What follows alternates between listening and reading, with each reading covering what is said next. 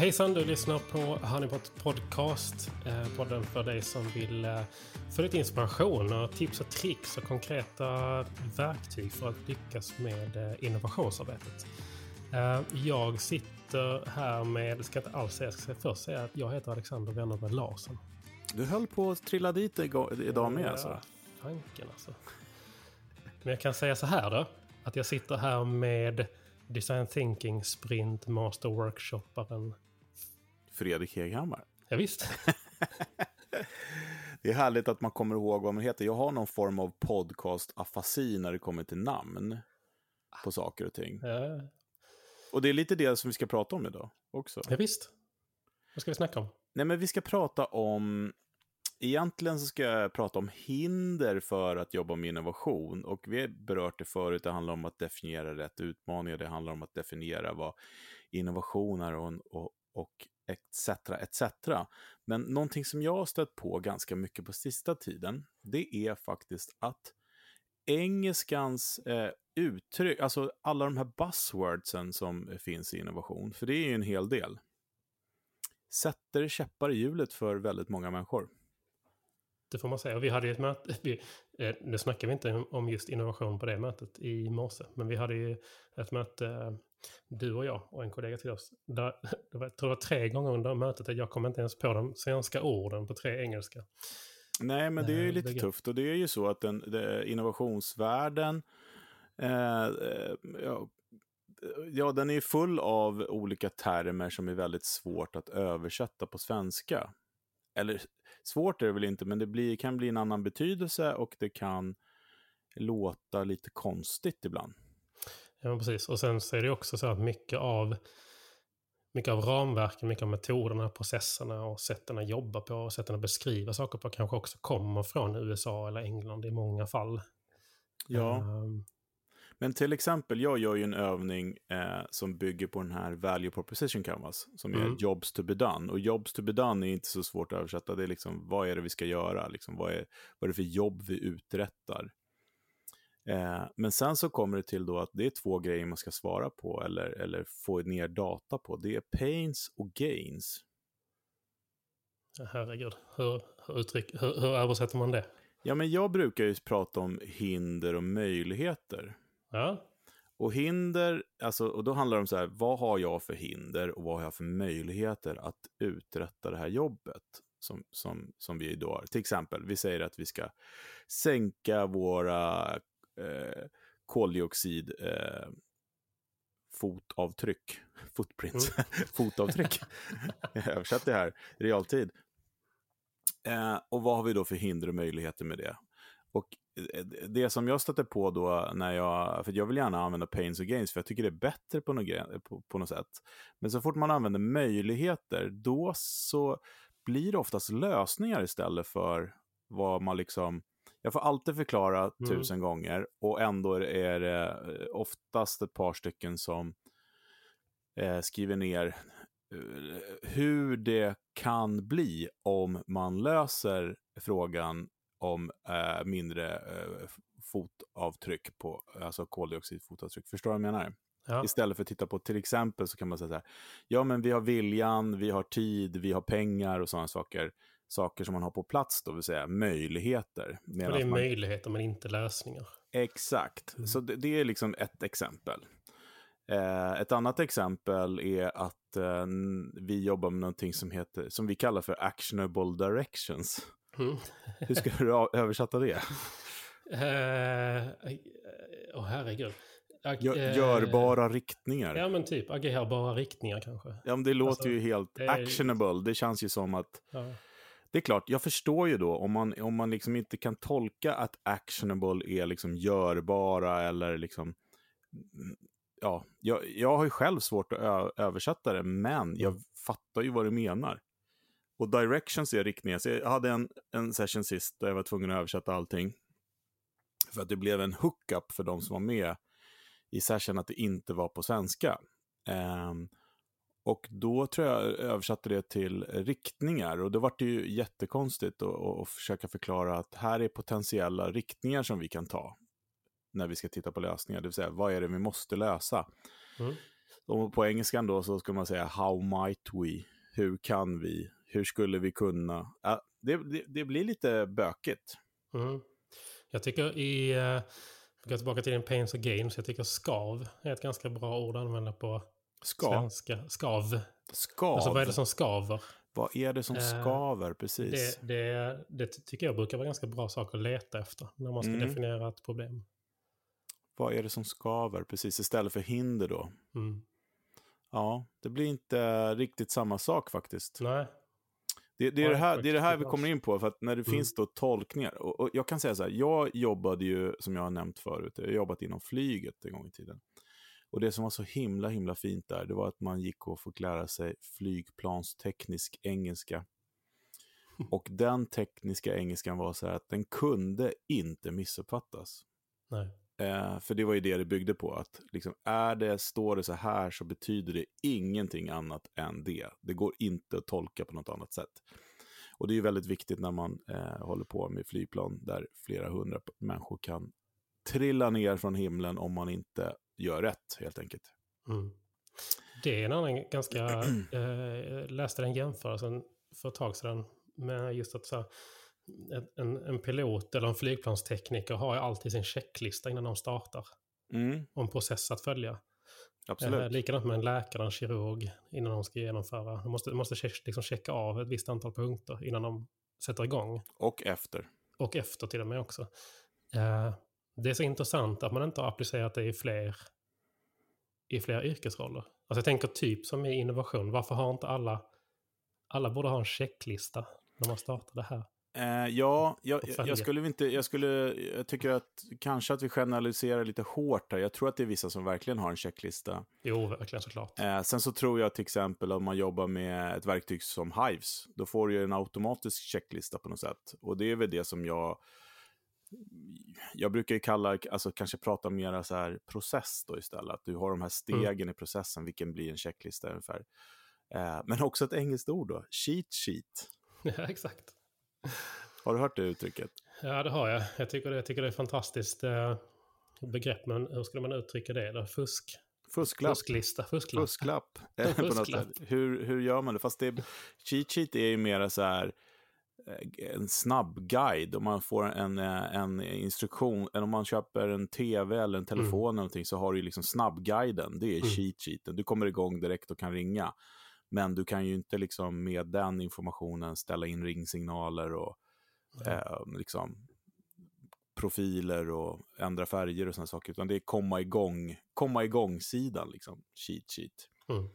Eh, ja, men så det är ju sådana ord som man slänger sig med. Fail fast till exempel. Vad fasken betyder det? Varför ska vi misslyckas fast fort för?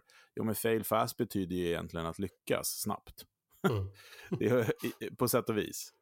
För man använder det i, i ett, ett kontext där man säger fail fast not big. Det vill säga, ja men okej, jag fattar, vi ska inte, vi, vi ska misslyckas snabbt, men varför ska jag göra det? Jo, det är ju för att lyckas såklart. Mm. Är det något annat buzzword som du känner att du har gått, eh, liksom, eller att det, det, den som du jobbar med, eller de du jobbar med, gruppen eller kunden har liksom gått på nit så att säga? Men det finns två saker som jag eh, tänker på. Det ena är väl kanske inget buzzword utan det är mer en metod. Och den har, vi har berört den tidigare, design thinking. Ehm, där Åh, den är svår. design, alltså att när man förklarar begreppet design thinking, att försöka förklara varför begreppet design i det fallet inte handlar om formgivning. Mm, det är sant. eh, är, tycker jag är jättesvårt. För design i det fallet handlar ju om att eh, om skapande Mm. processen egentligen. Precis. Exakt. Man säger att man designar någonting så är det i Sverige automatiskt nästan kopplat till Färg en möbel, möbel eller en bil? Eller Ja, formgivning Ja, på ett eller annat sätt. Eh, Medan då i, på engelskan eller amerikanska framförallt som det kommer från så handlar det ju om att skapa. Precis. Ehm, och eh, ja, kreativ kan ju också vara svårt ibland. Vad betyder det? Mm. Eh, nej, men jag, jag, jag bara tänker på det, att det, är liksom att det, det, det, är svårt, det är svårt nog för, för vissa människor att vara med i innovation. Jag, jag tycker att alla kan vara med och alla bör vara med. Och egentligen mm. så, så brukar det inte vara något problem. Men jag, för, jag har ju förstått och märkt att engelskan kan ställa till det. Eh, de här engelska uttrycken, när man jobbar på svenska förstås. Eh, mm. Och att det liksom kan begränsa istället för att öppna upp. Och det, det tycker jag är lite trist. Ja, och, och begrepp i, i allra största allmänhet skulle jag säga.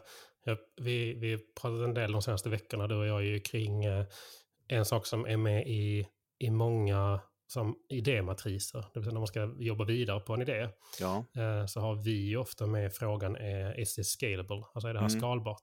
Just det. Um, och det är också ett begrepp som jag tycker att det, det, det, det är så fruktansvärt kraftfullt att laborera vidare, eh, vad heter det, elaborera på det och vidare beskriva och bygga på idén kring resonemanget kring huruvida det här är skalbart eller inte och hur det ja. är det. Men där tyckte jag du hade så bra förklaring också kring, kring vad det betyder, eller hur man ska tänka kring det. Ja, men i, i, i, den, i det sammanhanget, i den kontexten, så när vi pratar skalbarhet, så, så, så brukar vi ju liksom eh, säga att om idén är liten, hur kan den bli stor? Och är idén stor, hur kan den bli liten? Mm. Eh, skala upp, skala ner. Alltså, eh, för att jag vet, eller eh, erfarenheten är ju också det att när man till exempel jobbar med produkttjänstutveckling där man vill ha någon som går in med pengar så är den väldigt intresserad av skalbarheten i lösningen. Men vill ju mm. också få ut det så fort som möjligt på marknaden. Så det måste ju gå åt båda hållen. Liksom. Och, och eh, det kan ju vara så här, ja, men vårt mål är att vi ska bygga en eh, hotellkedja i eh, Saudiarabien eh, som är, eh, med, bygger på kvinnors rätt i samhället. Men nu börjar vi med att göra t-shirts för att sätta konceptet. Mm. Till exempel. Verkligen. Men eh, vad tänkte jag på, på där med, eh, ja men det finns så himla många ord som sagt var som man jobbar med och många av de här matriserna eh, och modellerna har ju engelska ord och de heter ju det. Value Proposition Canvas, Business Canvas. Ja, det är inte så jättesvårt att översätta i och för sig, men det kan vara tillräckligt svårt också.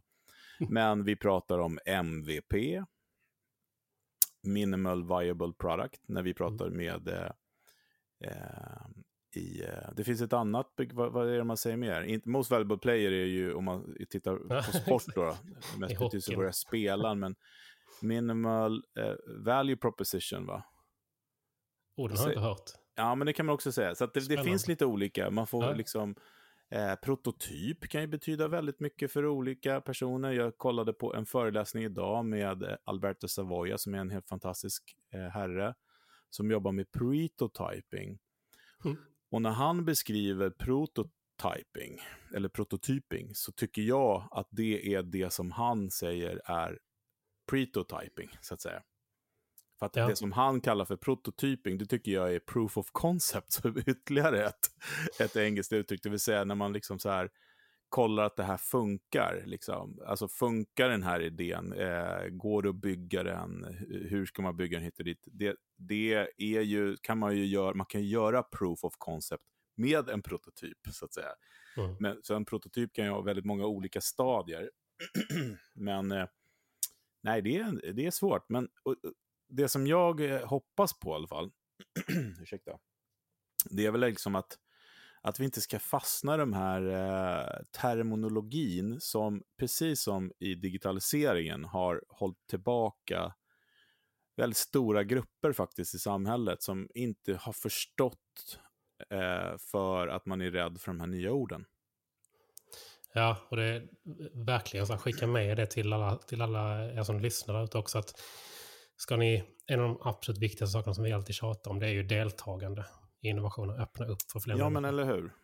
Så att liksom kan ni, kan ni beskriva någonting enklare? Kan ni hålla det till enklare ord? Kan ni på något sätt få fram samma förståelse eller information utan att använda buzzwords? Eh, gör det. Försök verkligen göra det. Sen är jag, är jag ibland skomakarens barn själv. Alltså. Man är så van vid begreppen. Liksom, så att... ja, men sen så är det vissa ord ändå som vi översatt från svenskan som är lika förvirrande ändå, som att jobba agilt till exempel. Det får man säga. Eh, kan man säga. Det finns, eh, man pratar om ballparks av saker och ting, det vill säga uppskattningsvis hur mycket, mm. jag sitter och kollar på en liten lista här nu medan jag Eh, Co-creation, vad är det? Jo, men det är när man jobbar tillsammans såklart. Ja, design thinking var du inne på där precis. Det är ju jätte... Klustra, bara en sån sak, det har jag sagt någon gång. Vi ska klustra idéer nu. Och ja. eh, ibland så ser jag att folk ser ut som frågetecken, men de vågar kanske inte fråga heller. Det, och det, är, det, är det här som är farligt. Mm. För det är ju så här att eh, jobba med innovation, det, då jobbar man med det okända. Och det är, inte, det är inte så, att någon i det där rummet vet vart vi är på väg. Eh, hade man vetat det så hade det ju varit lätt. Utan det handlar ju om att eh, våga fråga såklart. Eh, men också ibland så kan ju de här, eh, de, den här, ja, som man själv kan tycka är den dumma frågan, det kan vara den förlösande frågan i hela, på hela liksom, initiativet. Mm. Det är då liksom det släpper när någon vågar fråga hit och dit. Men eh, nu har jag redan glömt bort vilket ord jag sa, men eh, kommer du ihåg?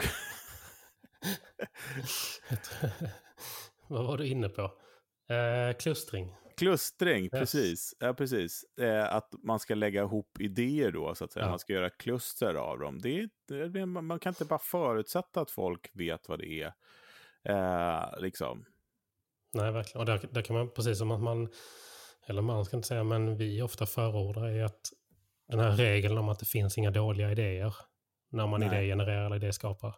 Eh, på samma sätt som måste man verkligen liksom hur klyschigt den är, att det inte finns liksom inga dumma frågor. Man måste verkligen öppna upp för att, för att folk ska förstå och kunna ställa frågor, diskutera saker och formulera om saker och förändra saker. Ja, men det verkligen. är det som tar en framåt. Liksom. Verkligen. Och ett, ett uttryck som du använder rätt ofta är SAS, till exempel. Så är det. Vad, vad står det för? Det står för Software as a Service. Och, och vad är det?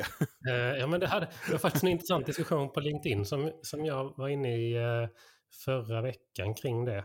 Där jag menade på att uh, SAS, alltså Software as a Service, beskriver snarare affärsmodellen än tekniken. Ja, just det. Där, alltså att Software as a Service innebär egentligen att du, köp, du köper en mjukvara som en eh, tjänst på på licens liksom per månad, har tillgång till alla uppdateringar och behöver inte drifta eller...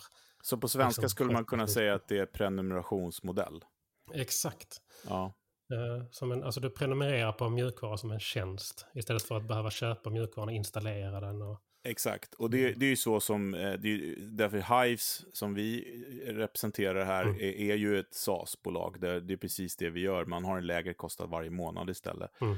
Och sen så slipper man liksom ta hand om stora inköp, eh, initiala setup-kostnader och massa sådana mm. saker, utan det liksom flyter på med, med, precis som att lyssna på Spotify. Exakt. Det är väldigt smidigt. Mm. Eh, men vad skulle jag säga, eh, de här svåra orden och sånt då, som, som håller oss tillbaka, hur ska vi komma till bukt med det tycker vi? Hur, liksom för att jag kommer ihåg en gång när jag jobbade på en webbyrå när, när vi fick eh, men vi fick klagomål ibland och vi tyckte väl att vi var lite för, för coola för vår, äh, än vad vi var egentligen kanske. Nej, det var vi inte. Vi, var, vi, vi gjorde bra grejer faktiskt. Men då var det en kund som bara, ja, vi fattar inte alla de här engelska termerna hit och dit. Och då var det en kille där som hette Ola som översatte allting till svenska. Han var väldigt duktig på språk. Då var det så här, hosting var så här, härbärgera och sen, alltså, det, det, det, blev liksom helt annan innebörd. Det var inte längre liksom ja, det... att vi pratade om en webbsida liksom. Nej, men det, vi har ju pratat om det så många gånger, just det där med hur svårt det är. Alltså, vi, har, vi, har, vi har ganska mycket möten till och från på, eh, på engelska, där man kanske har fördelen i att mycket av det här branschens språk eller segmentets språk är på engelska från start. Ja. Samtidigt så är det ju det, alltså skillnaden, den största skillnaden mellan språk, tycker jag, i alla fall när jag växlar mellan svenska och engelska, det är just den här känslan för nyanser i språket.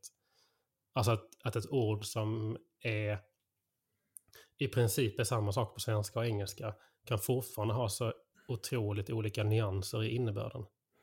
I ja, verkligen. Och jag ska dra ett annat exempel som var så himla coolt. Jag var på, jag är med i en liten eh, sammanslutning av människor som heter Creative Social. Eh, mm. och vi var på en sån resa till San Francisco där vi träffade fantastiska människor. Men en av föreläsningarna handlade om ordets makt. liksom om ordets, ords betydelse och, och sådana grejer. Och där var det bland annat så, så här, ja men det ordet som alla känner till har vi svårast att förklara, till exempel kärlek då, eller love då som det hette då.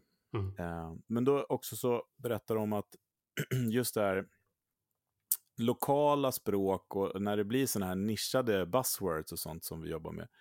Eh, det var en, en händelse där det var en liten pojke som hade blivit kidnappad. Och då den här kidnappen ringde in för att begära lösensumma. Och då så sa den här kidnapparen att “Leave the money by the devil's lot”. Eh, och då var det ju så att eh, ingen förstod riktigt vad, vad han menade, vad då devil's lot liksom. Så tog de in en sån språkvetare som konstaterade att ja, men i den här staten, i den här stan, typ, så, så använder man då det här uttrycket för den här lilla gräsplätten som är mellan trottoaren och mellan vägen på, mm. i, i, i, den här stan. Då. Och då kunde de med hjälp av det eh, titta massa register och sånt och såg att det var en känd kidnappare som precis hade blivit frigiven från eh, fängelset. Och mycket riktigt så var det ju den personen som hade gjort det. Så de kunde liksom lösa hela det där mysteriet på grund av att personen i fråga hade använt ett ord som var så himla lokalt. så att man kunde liksom eh, pinpointa det helt enkelt. Du ser vad språkvetenskap kan göra. Ja, men det är också, eh, eh, drog de upp ett exempel som inte var lika eh, lyckosamt. Det var nämligen så att i USA så gör man en test på gamla människor när de, eh, för att titta om de börjar bli gaggiga. Eh, och då så ska, ställer man frågor till dem och så ska de svara. Och då visade det sig att det var med, uteslutande unga människor som hjälpte till med de här undersökningarna. Och ibland så frågar de så här om kryckor, liksom. Och, och då svarar då, för, för en hel generation så kallades de för Tommys. Mm. Och då fick man fel i testen. Eh, så det var också så att de här unga människorna inte kunde då språket som de här gamla människorna använde. Och då fick då de default fel på den här testen och blev då eh, stämplade som gaggiga helt enkelt. Det finns massa sådana exempel på, på ord och sånt såklart som, som har stor betydelse. Och än en gång då, tillbaka till det här med flygindustrin, där det är extremt viktigt att står det så så ska det vara så och inte si helt enkelt. Så är det ju alltid. Som, eh, det, så är det säkert med många andra dialekter i Sverige såklart.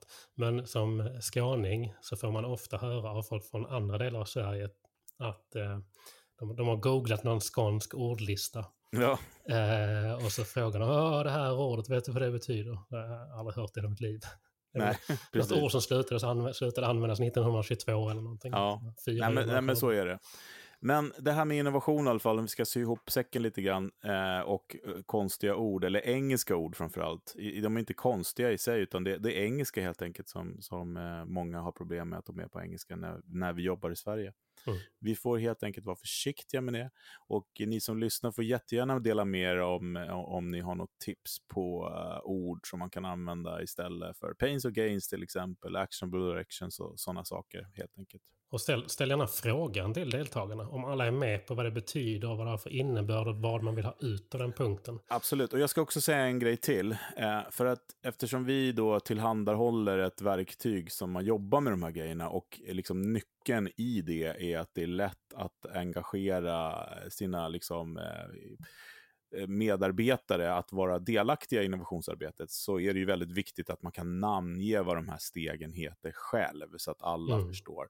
Och, eh, och det är självklart att, att ett verktyg som vi gör stödjer det, utan man använder sin process i sina ord, i sitt kontext och sådana saker. Utan, för det är ju super, super viktigt när det kommer till just engagemang. Verkligen. Men du, apropå skåning. Ja. Är det hästhandlaren? Så är det. Hästvedas finest han kommer här. Lilja här. Eh, jag har funderat på en sak.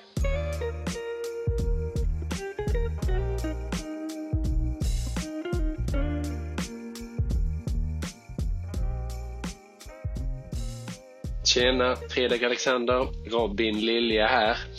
I, uh, vi pratade om uh, innovation i städer för ett par veckor sedan och nu kommer en fundering på innovation i länder. Då eh, för var det någon vecka sedan här så publicerades det årets Global Innovation Index där man bedömer 134 länders innovationskraft. Sverige placerade sig på en andra plats och innebär att vi har varit i topp 10 i över 10 år i rad. Riktigt grymt. Min fundering till er är liksom vad ni tycker att länders innovationskraft, vilka, eh, vilka punkter som, eh, som är viktiga. Väldigt intressant tycker jag. Verkligen. Och jag undrar det här med, alltså jag har, jag har läst så många olika sådana undersökningar genom åren. Och många av dem som jag har läst eller fastnat i har, eller en sak som jag har fastnat i hos dem är att alla eller många av de undersökningarna värderar eh, pat antal patent Okay. Som, eh, som eh, alltså, en av de högsta kriterierna. Då, liksom. Mm. Eh, och jag tror inte också att jag tänker mig att, att ta patent för någonting i Sverige är inte heller så att du behöver sälja villan.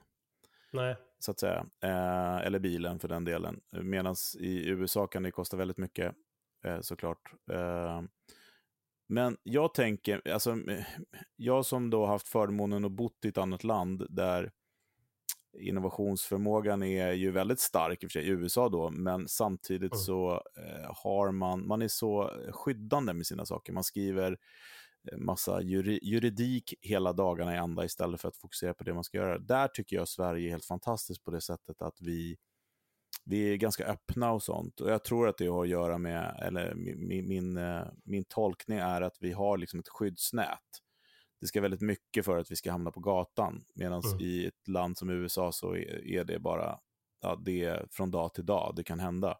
Just för att du kan förlora allt. Och eftersom du har det på spel så det, blir du lite försiktigare helt enkelt. Men idéer mår bra av, um, av att umgås med andra idéer, så är det. Och ju fler perspektiv som kommer in och hjälper till med de här idéerna, ju mer troligt är att det blir av och ju bättre blir det. Eh, det är min tolkning. Mm. Men jag tror också att, eh, eh, precis som du säger, det finns en fantastisk kanske innovationskraft i USA. Jag kan, jag kan faktiskt uppleva att eh, det, det, finns verkligen så fördelar och nackdelar med det svenska. Eh, som jag tycker det är fantastiskt att vi har det skyddsnätet vi har i, i landet. Det, det, det skapar verkligen liksom en trygghet tror jag i kreativitet och innovation. Det som jag däremot upplever är faktiskt just det där med att vi, när det kommer till just, inte patent och inte liksom antalet unicorns som, som någon annan eh, liksom, undersökning har rankat det på. Där vi liksom har, eh, eftersom att vi har så pass få invånare, så räcker liksom att, att Spotify, Klarna, King och några till kommer upp så är vi ganska högt upp där i, jo, liksom, per capita. Ja, absolut. Men jag tycker att, men jag tycker att eh, det som jag skulle vilja se lite mer av i Sverige, det är just innovationsledarskap. Alltså hur, hur skapar vi förutsättningar för ja. medarbetare och människor att, att det jag ska leda vi, till Jag tror att vi kommer få se det mer och mer. Det, för jag det är ju så, det. akademin tyvärr på grund av byråkrati ligger alltid lite efter. Mm. Eh, de tittar ju, och, och nu med, under covid tiden här så har det ju varit fokus på, självklart på sjukvård och sånt, eh, och infrastruktur som är såklart prioriterat. Men jag tror att det, vi kommer se mer eh, utbildningar till exempel som har med just ledarskap att göra, eh, innovationsledarskap. Eh, som just nu känns som en lite hittepå-roll, eh, mm. men som kommer bli bättre. Eh, jag, tyck, jag skulle också, och, och apropå utbildning så tycker jag att det är ju också en stor del varför vi är så innovativa här. Eh, vi, har, vi får förutsättningar helt enkelt. Vi, vi, vi har gratis utbildning. Det är helt fantastiskt faktiskt. Mm. Eh, och vi har också en infrastruktur som gör att vi kan jobba eh, över gränser, höll på att säga, men in, i, digitalt, eh, vilket är en väldig fördel. Men jag ska säga, jag är en man av... Eh, jag ser ju oftast ljuset i tunneln på de flesta saker i livet. Mm. Men just nu så är det väldigt mörkt i den här tunneln och det har ju lite grann med att göra med ja, men, eh, de här tolkningarna av eh, cloudtjänster och sånt, vad servrar ligger här och mm. där och USA får inte ligga. Och, och, jag känner att ju, ju, fler projekt jag är inne i så stängs dörr efter dörr efter dörr och det här utrymmet att vara innovativ inom blir mindre och mindre och det, det tycker jag är ganska tråkigt faktiskt. Ja, och därför är faktiskt, jag, jag, där vill jag verkligen utmana alla ute på företagen för att ja, det finns absolut begränsningar i lagstiftning och i regler som exempelvis EU och USA har satt upp. Men jättemycket av begränsningarna eh, skapas också ute i företag och myndigheter och organisationer på grund av att man väljer att tolka saker på ett visst sätt. Um, så att våga ifrågasätta hur man tolkar saker också. För att det, det, där, där, finns det faktiskt länder som tolkar saker väldigt annorlunda. Ja, men absolut. Och, och, det, och det är väl kanske det som jag eh, blir lite ledsen över eh, nuläget, är att man hellre väljer att fälla än att fria. Ja. Att det är lättare att säga nej. Och det här har vi sett förut inom digitaliseringen också. Eh, och eh, jag tycker att det vore trist om det blev så att vi, eh, att vi liksom limiterar oss till att bara kunna använda svenska och det ska vara svenska servrar, det ska inte vara några tjänster för att liksom det, det är sånt fantastiskt tekniskt försprång som ligger där ute och väntar på en eh, som då den här tolkningsföreträdet, eller vad man ska kalla det, som vissa har eh, satt stopp för. Och jag var inne och, och satt som mentor nu i Hack for Sweden här nu i helgen som var av stapeln som är ett otroligt bra initiativ för att sätta fart på Sverige. Och där eh, märker man ju att det, alltså det är väldigt vattentäta skott vad man får göra och inte får göra. Mm. Eh, nästan så att man blir lite mörkrädd faktiskt. Ja, verkligen. Och där, jag kan också tycka att vi det, ibland så har, så har eh, diskussionen kring eh, data och persondata spårat ur, tycker jag, i den mån att vi, ja, jag tycker också privacy och persondata är någonting som vi måste, måste liksom ta i beaktning i, i väldigt hög utsträckning i framtiden, speciellt när det handlar om exempelvis känslig information. Ja. Eh, men det som är problemet idag, det är att det tolkas liksom allt ifrån att liksom en, en e-mailadress eller förnamn eller ett efternamn skulle vara liksom tillräckligt personkänslig data för att det ska liksom vara på maxgräns. Ja, men precis. Man kanske tar sig, lite, tar sig själv på lite för stort allvar ibland när man ja. vill eh, jobba med skydd, eh, skydda sig. Mm. Eh, som sagt var, vissa behöver det, vissa måste göra det. Jag har full respekt för det, men jag börjar se att eh, att det sätter käppar i hjulen för många lösningar som skulle kunna vara helt fantastiska faktiskt. Mm. Så att eh, jag säger bara, det, var, det är ett litet eh, varnande finger som åker upp, eller vad säger man? Ja, men det, jag kan, eh, lite, lite en spark i rumpan kanske till eh, Sverige. Alltså, mm. var inte så, eh, vi behöver kanske inte vara så ängsliga i det här fallet. Nu får, vi, nu får vi kanske faktiskt titta på att alla andra länder har inte varit så ängsliga i sina tolkningar. Så nu... Ja, eh, precis. Eh, vi säger så helt enkelt. Det tycker jag. Det får avsluta. och sen, nej, men jag skulle också vilja, eh, eftersom jag gillar ljuset i tunneln, så måste jag också säga att eh, vi har ju fantastiska grejer som Vinnova till exempel. Vi har Almi som kan hjälpa till och stödja. Vi har RISE som forskar och sånt. Så att vi har så. Eh, jag jobbar just nu med, eller vi jobbar med Piteå Science Park som eh, erbjuder just utbildning i eh, innovationsledning gratis till sina medlemmar som jag håller i bland annat. Mm. Och det är helt fantastiskt man, att man liksom, ja, det är mycket bra som görs där mm. ute. Det vill jag sluta på med, med facklan i tunneln ja, här. Exakt. Skatteverket driver på. De är aktiva ja. inom innovation. Ja. De, de om någon råkar ju tyvärr ut på de här stängda dörrarna som jag säger, ja, eh, av for a reason såklart, eftersom lätt. de verkligen håller på med känslig data. Mm. Eh, men, men ändå, alltså den samverkan som sker mellan de olika verken så att säga eh, är fantastiskt. Och än en gång, Vinnova, Almi, eh, RISE och alla de här som stöttar innovation gör ett fantastiskt jobb. Så tack ja. för det. Det är grymt. Du, vi har en eh, goodiebag på intåg. Är du beredd? Yes. Veckans goodiebag. Ja, det var veckans goodiebag. Ja, men vad vore... Eh, eh, vad vore på, inte på... Vad säger man? Vad vore... Eh, Vad vore julafton utan? Vad vore julafton utan paket, eller säga. Men vad vore inte bättre än att vi bjussar på en ordlista för innovationsbuzzwords? Exakt. En liten parlör. Ja, men eller hur? Eh, vi har samlat eh, några ord som vi jobbar med och som vi har stött på och lite, lite eh, mer än det till och med eh, på en lista eh, som finns på hives.co som vi kommer dela i, eh, det kommer en länk i avsnittet här. Jajamän. Eh, och är den kollaborativ eller får man skicka in eller hur? hur, hur? ja det, det tycker jag, det får man göra. Ja, om man vill, eller Jag tror, hur? vi, jag tror vi har ett kommentarsfält. Har vi inte det så finns det säkert en mailadress. Ja, men löser vi. precis. Så att eh, vi bjussar på den, den listan, eh, att man kan komma på. Och sen så är det ju så att jobbar man mycket med innovation internt på sin avdelning eller sitt företag eller så, så hit, eh, hitta på egna ord som gör att ni tillsammans vet hela tiden vad som är vad. Exakt, så länge ni förstår varandra så är det, är det godkänt. Yes. Grymt. Så att eh, den bjussar vi på. Dagens vi. goodiebag. Kort och Jajamän. gott. En buzzwords-lista för innovation. Mm. Det, var dagens, det, var, det var dagens tisdag, eller på att säga. Veckans tisdagsavsnitt. Veckans tisdagsavsnitt. Och än en gång, kom gärna med eh, eh, eh, synpunkter, men också med eh, förslag på ämnen och sånt. Och jag vet att vi har börjat prata och boka upp lite gäster nu också. Det har vi. Det Eh, och det ser vi fram emot. Verkligen.